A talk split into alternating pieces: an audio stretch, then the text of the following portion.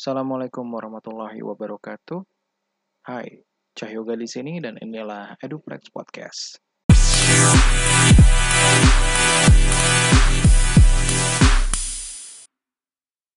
Selasa, 24 Maret 2020.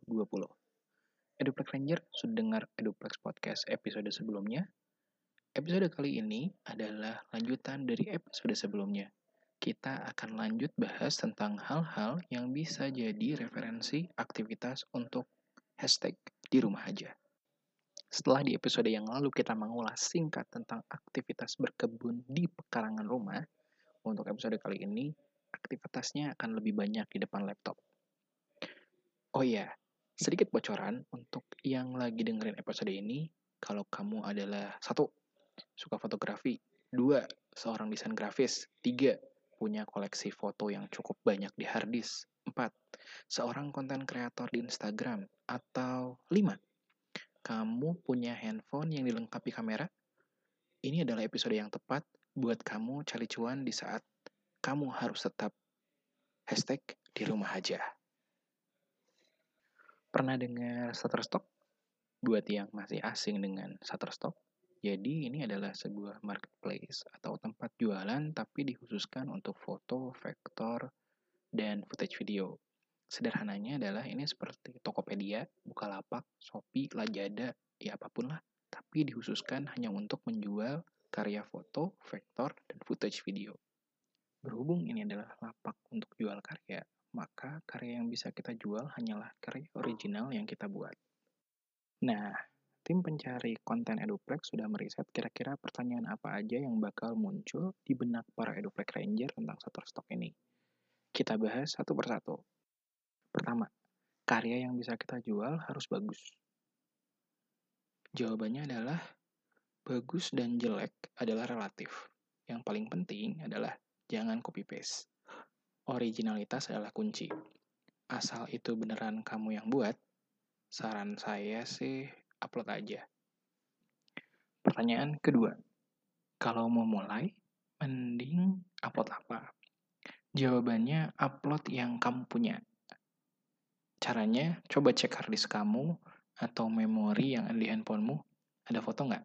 Nah, upload dari situ dulu aja. Yang ketiga, emang segampang itu ya upload di Shutterstock? Jawabannya adalah yang penting mulai aja dulu.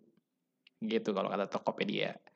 Setelah kamu upload karya kamu, karyamu nggak langsung bakal bisa dijual. Tim Shutterstock bakal meninjau karyamu. Di proses ini, yang dinilai pertama adalah originalitas. Selanjutnya, hal-hal teknis. Uh, kayak blur atau enggak, ukuran datanya cukup besar enggak, dan caption yang kamu gunakan sesuai nggak sama yang kamu, sama karya kamu. Nah, ini semua sebetulnya untuk memudahkan karyamu supaya dibeli sama orang lain. Karena orang-orang yang beli karya kamu itu bakal digunakan untuk hal-hal, um, misalnya hal-hal yang sifatnya komersial. Bakal dipasang mungkin nanti dijadiin di baliho yang ukurannya besar, maka kualitas dari karyamu juga harus uh, baik ya. Dalam artian cukup besar dan tidak pecah gitu sih. Yang keempat, kalau orang Indonesia yang udah main Shutterstock banyak nggak sih? Jawabannya banyak. Kamu bisa cek beberapa akun di Instagram atau YouTube yang bahas tentang cara mereka jualan di Shutterstock. Nah, kalau mereka udah ngebahas tentang cara jualan, otomatis mereka pasti adalah eh, akun-akun yang punya akun juga di Shutterstock dong. Selain itu, komunitas atau grupnya juga bisa kamu temui di Facebook ataupun Telegram. Di Facebook atau Telegram biasanya mereka uh, cukup banyak juga tuh share-share tentang uh, kesulitan mereka ataupun uh, tren-tren apa aja sih yang bakal naik di Shutterstock. Itu juga bisa meningkatkan skill kamu kalau yang memang serius pengen menekunin di dunia Shutterstock ini. Pertanyaan kelima, gede nggak sih pendapatan dari Shutterstock? Jawabannya relatif. Tergantung seberapa tekun dan serius kamu untuk tetap upload dan ngulik. Umumnya, untuk para pemula, harga satu karya kamu itu adalah 0,25 dolar. Dan uangmu ini baru bisa diambil minimal kalau sudah 35 dolar. Pastiin umur kamu sudah 18 tahun dan kamu sudah punya PayPal saat kamu mau serius di Shutterstock. Cara buat akun di Shutterstock itu gampang banget. Yang pertama, kamu harus buka situs submit.shutterstock.com. Lalu pilih sign up di situ.